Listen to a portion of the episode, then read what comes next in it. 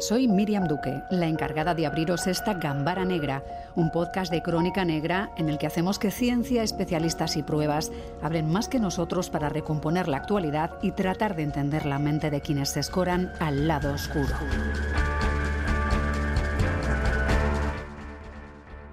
Según informa la agencia de noticias estatal TAS y recoge Reuters, los sitios web en poder del gobierno de Putin están sufriendo una ola de ciberataques que no tienen precedentes eh, en su historia, a pesar de que en un primer momento todo indicaba que Ucrania se llevaría la peor parte.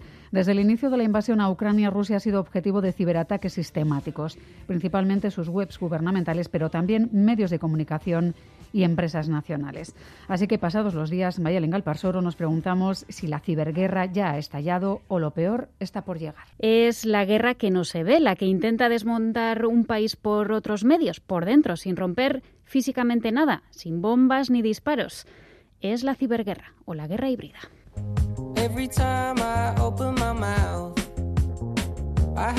Grupos de informáticos rusos ya habían lanzado antes ataques de este tipo contra Ucrania, como los asaltos a las estaciones de energía eléctrica en 2015 y 2016, que llegaron a dejar a 230.000 personas sin energía en pleno invierno. Quizá esperábamos que este concepto fuera más visible o determinante en el conflicto entre Rusia y Ucrania, pero de momento parece que no lo está siendo. Pero el que se ha reforzado con talento joven en este campo ha sido Ucrania, y todo gracias al llamamiento de su viceprimer ministro Mikhailo Federov, de tan solo 31 años. Estamos creando un ejército y necesitamos talentos digitales, lanzó a través de Twitter. Y según el Wall Street Journal, más de 400.000 hackers se han podido sumar a la causa en todo el mundo para atacar páginas web relacionadas con el gobierno ruso. Y luego están ellos.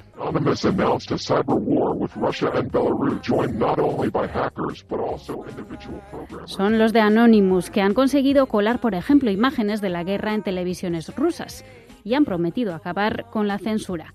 Son nuevas formas de atacar y pelear en las nuevas guerras que de momento se parecen mucho más a las de siempre. José Rosell, director de la empresa de ciberseguridad S2 Grupo, decía hace unos días que actualmente hay mucho ataque de falsa bandera, por lo que ni siquiera se puede saber a ciencia cierta cuáles son los grupos concretos que están realizando los ataques que está sufriendo Rusia, aunque hay dos actores especialmente activos, como decía Mayalen, Anonymous y la ciberguerrilla ucraniana. Esta noche nos acompañan dos de los mayores expertos en lo que se refiere a ciberseguridad y radiocomunicaciones. Javi Espejo es director de ciberseguridad en Transparent Edge Services. Javi Espejo, ¿qué tal? Bienvenido. Hola. También nos acompaña David Marubán, que es consultor de seguridad y especialista en radiocomunicaciones. David, bienvenido. Hola. Javi, no sé si podemos empezar por preguntarte qué serían los ataques de bandera falsa o de falsa bandera. Al final es como pegarte un tiro en el pie. Al hmm. final es hacer pensar a la gente que te están atacando y realmente estás provocando que, seas, eh, que sea uno mismo el que se está perjudicando pues, para, poner en contra a, los medios, a las personas o a, a la opinión pública, ¿no? Lo que sí es cierto es que tenemos por un lado Anonymous, eh, que dice que ha estado detrás de ataques contra varios medios de información rusos, como Russia 24 o Channel One. También ha conseguido afectar a los servicios de plataformas de streaming como, como Wink. Luego está ese otro ejército que dice Zelensky está trabajando con 300.000 usuarios nativos de todas partes del mundo como hackers que actúan sobre todo en Telegram. No sé si podemos hablar en este caso de ciberguerra o esto es un término demasiado grande porque a veces se nos queda un poco, no sabemos muy bien definir ciberguerra, guerra híbrida, ciberataques y estamos hablando siempre de lo mismo. Pues a ver, el problema es yo creo es el contexto más temporal que otra cosa. Es decir, al final ataques hay de manera continua, diario y cada segundo pero estamos, no sé, en posición de decir que ha habido más ataques a Rusia de los que probablemente se esperaban, que parecía que Ucrania iba a ser quien se llevara la peor parte, quien estuviera profundamente atacado desde todos los ámbitos, también desde los ciberataques, y parece que quizás Rusia no esperaba algo así.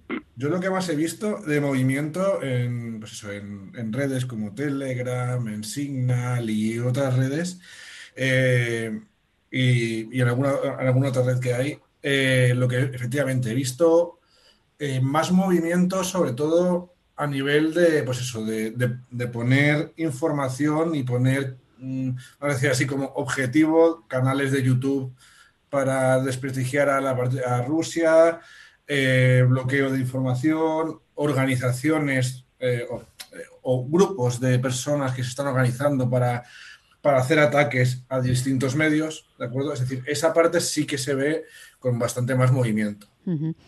Digamos que luego está esa otra parte que Ucrania tiene un largo historial de ataques cibernéticos, ataques que podrían haber estado llegando de, Rusia. No sé si pudieron ser ensayos lo que se vivió en 2015 y 2016, ¿no? Se dejó sin electricidad en pleno invierno a 230.000 mm. ucranianos. No sé si, si eso puede ser parte de uno de esos ataques eh, cibernéticos, ¿no? que, uno va probando por si hay una guerra y hay que hacerlo de forma masiva. Sí, yo ese es un, caso que justamente yo expongo desde hace muchos años en, un máster de ciberdelincuencia que, que doy, bueno, principalmente los asistentes son de las fuerzas y cuerpos del Estado. Eh, y justamente ese caso que, que, habéis expuesto eh, es un caso que yo pongo. ¿Que es el premonitorio? Hmm. Pues por lo menos es bastante curioso y es un objetivo, la verdad, que bastante claro en el que se podría, pues en, el momento que haya una guerra o una ciberguerra, evidentemente una infraestructura como es la electricidad, atacarla es bastante, pues puede ser un, objetivo bastante claro. Sí, me un, momento, es que yo quiero aclarar simplemente una cosa para los oyentes y es la diferencia entre muchos eh, conceptos que se mezclan, que es eh, ciberguerra y, la guerra híbrida, que son cosas diferentes. Ciberguerra se refiere a, la guerra en el ciberespacio, ¿no? Y como tal, pues cualquier conflicto bélico en el que se está librando en ese terreno. Ahora mismo estamos asistiendo más bien a una guerra híbrida que una guerra híbrida, ojo, tampoco es que se esté produciendo solo por medios informáticos y convencionales, porque la gente tiende a pensar que una guerra híbrida es una guerra en la que se utilizan ataques cinéticos o convencionales junto a ataques cibernéticos, ¿no? Como los que estamos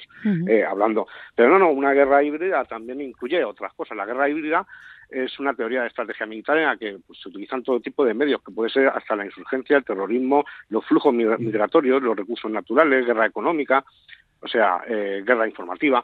Eh, tenemos que separar esas, esas dos cuestiones. Eh, probablemente cuando estamos haciendo alusión a estos eh, ciberataques a las centrales eléctricas, tenemos que fijarnos en que luego es, más, digamos, un titular que lo que luego se produce. No, no podemos hablar de una ciberguerra, es un ataque que en este caso pues eh, es muy espectacular porque está dirigido, por ejemplo, como en 2015, una, una central eh, eléctrica que dejó a, varios cientos de miles de personas sin energía, pero duró seis horas, eh, se pasó a manual y se controló la, infraestructura. Esto no es una, una guerra, estaría más en lo que se llama zona gris o en esta en esta parte en la que todavía no hay una guerra declarada y se utilizan eh, este tipo de que se han venido produciendo constantemente desde 2014 y antes todavía, ¿no?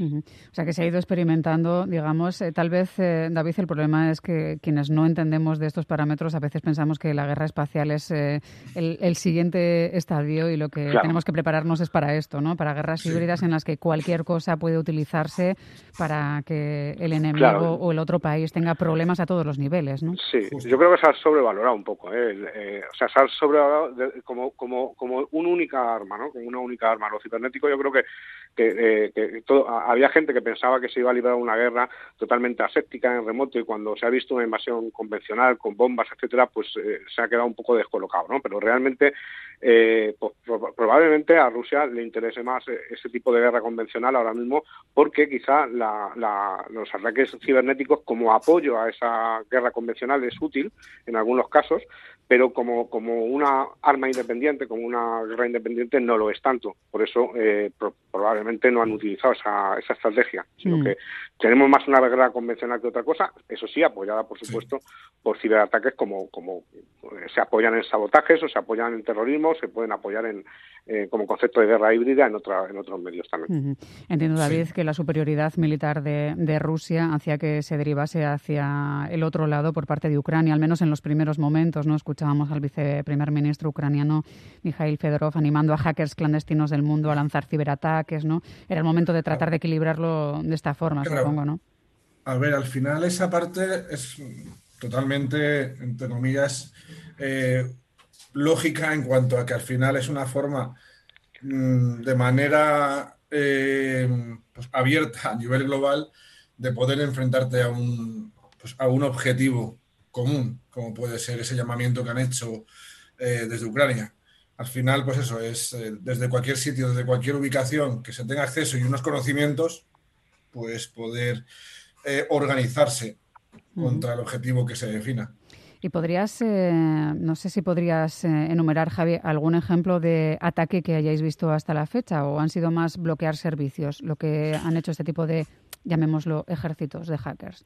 No, a ver, yo he visto pues en, en, algunos canales sí que vi organización para ataques de denegación, pero por ejemplo, mira, están justamente ahora en algunas páginas que hay, pues hay robo de información, ha habido, pues eh, en este, este, momento es de una empresa de Omega, que es una empresa de, de, investigación y desarrollo ruso, del departamento ruso, eh, justamente pues están diciendo que, que, ha habido ahora una fuga de, de 80 gigas de temas de, emails y demás. Es decir, eh, luego ha habido también ataques de ransomware, ¿de acuerdo? De, pues, para, que más que ransomware lo están haciendo ya es, adoptar la misma, la misma forma de funcionar de un ransomware, que al final lo que hace es pues, infectar un equipo, pero en vez de hacer el secuestro, que es la base del ransomware, lo que está haciendo es romper las máquinas directamente, los discos. Hmm. Ha habido varias, varios ataques últimamente que eso, que lo que hacen es directamente destrozan los equipos. Ya la parte de secuestro en esto secundario. Hmm.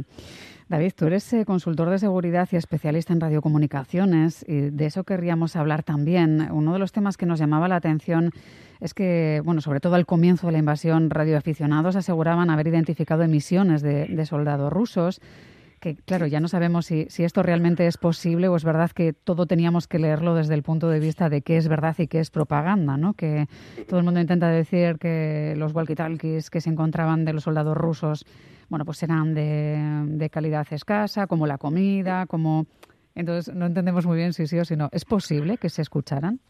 Mm, bien, aquí igual tenemos que separar varias cosas. En primer lugar, es cierto que se produjeron estas y se producen estas conversaciones eh, supuestamente atribuidas a tropas rusas, eso es cierto, y, se podría llegar a, escuchar en onda corta, porque eh, los servicios de militares, servicios de inteligencia, etcétera, aunque a algunos les suene como antiguo, eh, la onda corta se sigue utilizando para, para este tipo de comunicaciones críticas porque, bueno, pues ofrece muchas ventajas que comunicaciones satélite u otras comunicaciones no tienen. Lo, cierto es que sí que se empezaron a producir estas interceptaciones a través de, de, radio, de radio de onda corta, a través de ciertas páginas web que tenían SDRs online, que son radios eh, definidas por software online, en la que pues, las personas eh, entraban ahí a escuchar las conversaciones en onda corta que supuestamente estos militares tenían, las grababan, las ponían incluso en Twitch, o sea, en YouTube también, y bueno, ¿es posible? Sí, sí, técnicamente es posible eh, escucharlas. Lo que parece sorprendente a estas alturas es que las comunicaciones no estuvieran cifradas. Lo de los walkies es, otra cosa que no hay que mezclar. Los walkies eh, a los que siempre se alude son unos walkies que salieron unas fotos en Twitter. Son unos walkies de VHF y de UHF, que estamos hablando de, corta distancia para que el oyente lo entienda, y no tienen nada que ver con estas comunicaciones de onda corta, o sea, son cosas diferentes. Eh, el que se haya encontrado esos walkies ahí, pues es posible que se, se encontraran, son un walkie de radio aficionado de 20 euros de chinos ¿eh?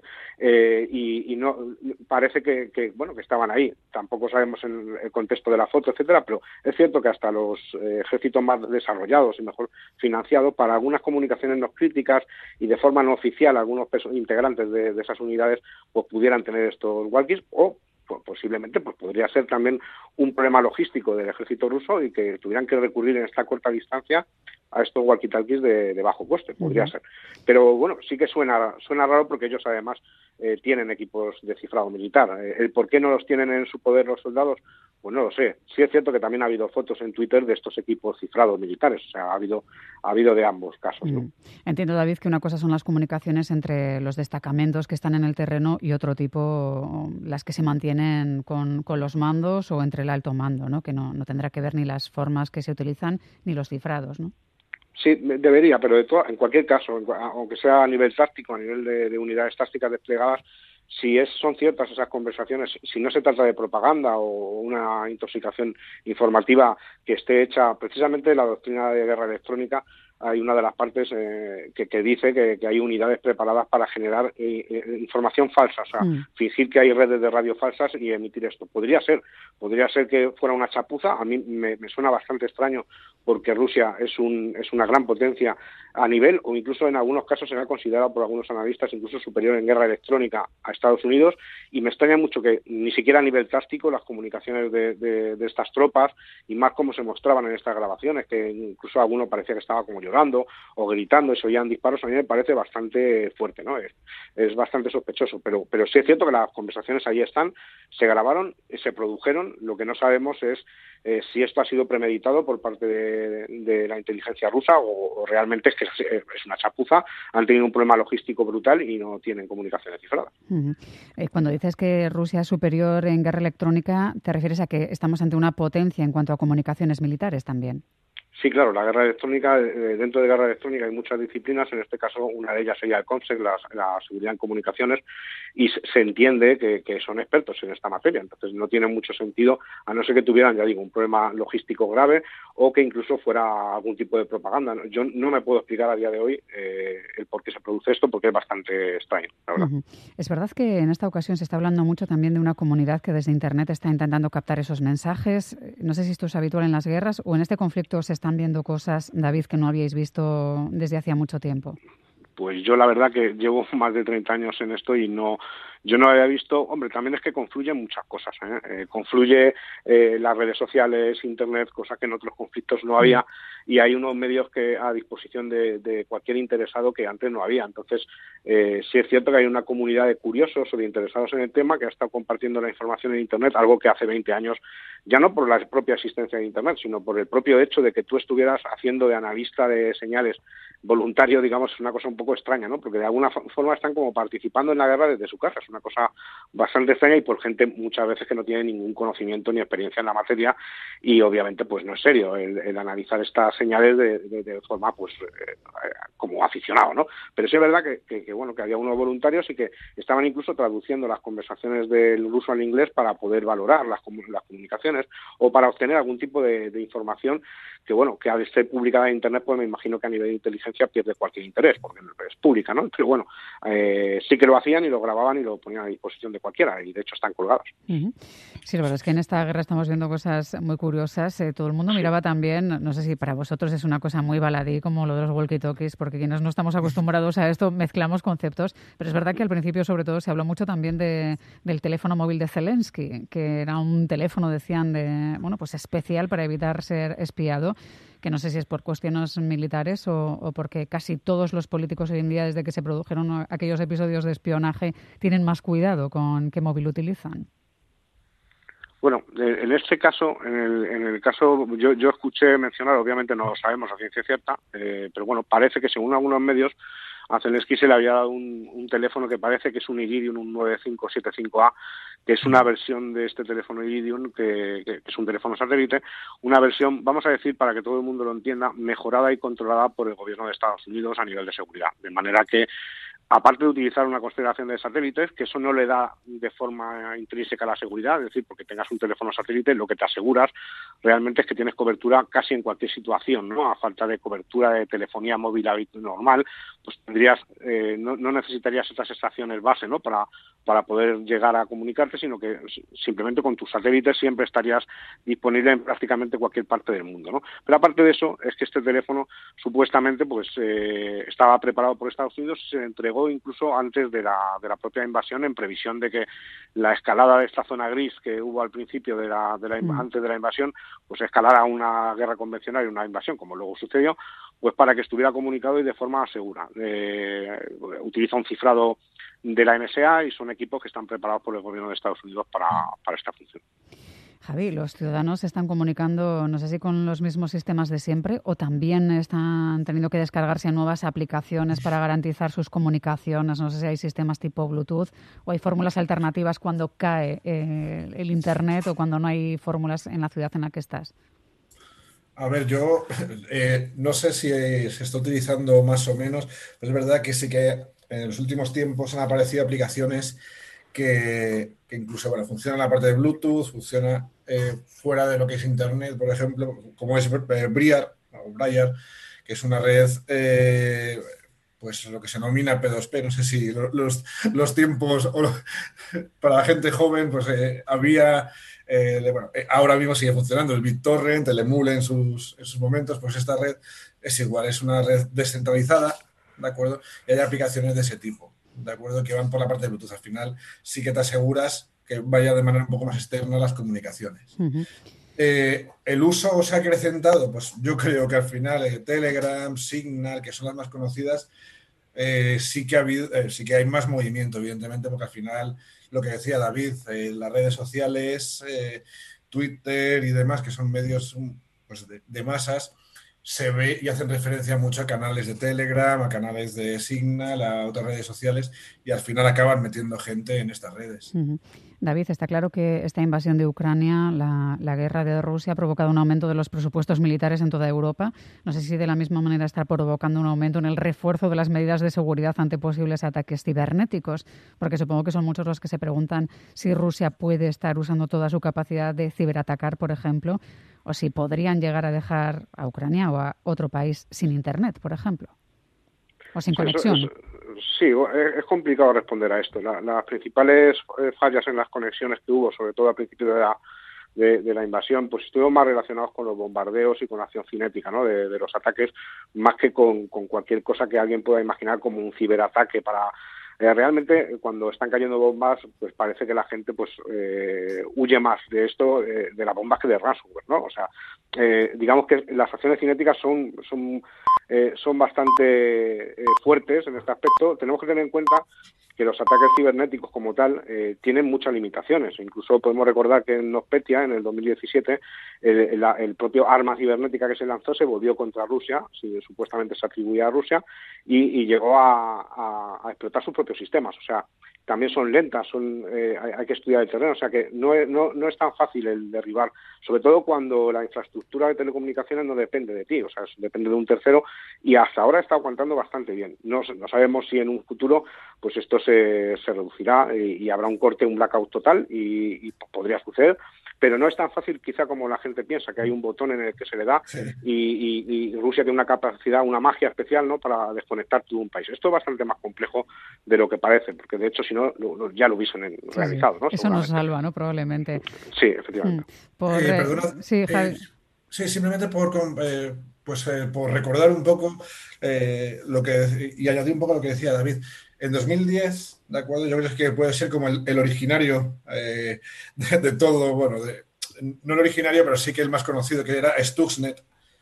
Eh, os acordaréis, eh, pues al final fue un, ataque, ¿de acuerdo?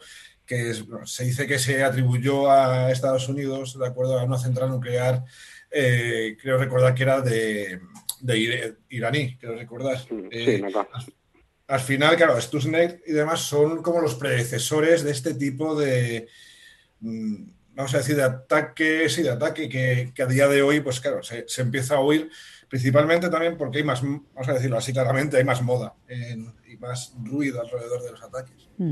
y, de la, y de la parte de, ciberataques o seguridad informática en general. Bueno, yo espero que estemos eh, a salvo de, muchos de esos ataques y que haya mucha gente como vosotros que esté trabajando para formar a quienes eh, tienen que protegernos de, ataques de, este tipo. Hoy hemos aprendido muchas cuestiones eh, gracias a David Marugán, consultor de seguridad y especialista en radiocomunicaciones. David, muchísimas gracias.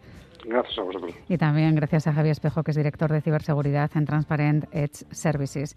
Javier, un abrazo también para ti. Hasta la próxima los dos. Cuidaos. Hasta luego, gracias.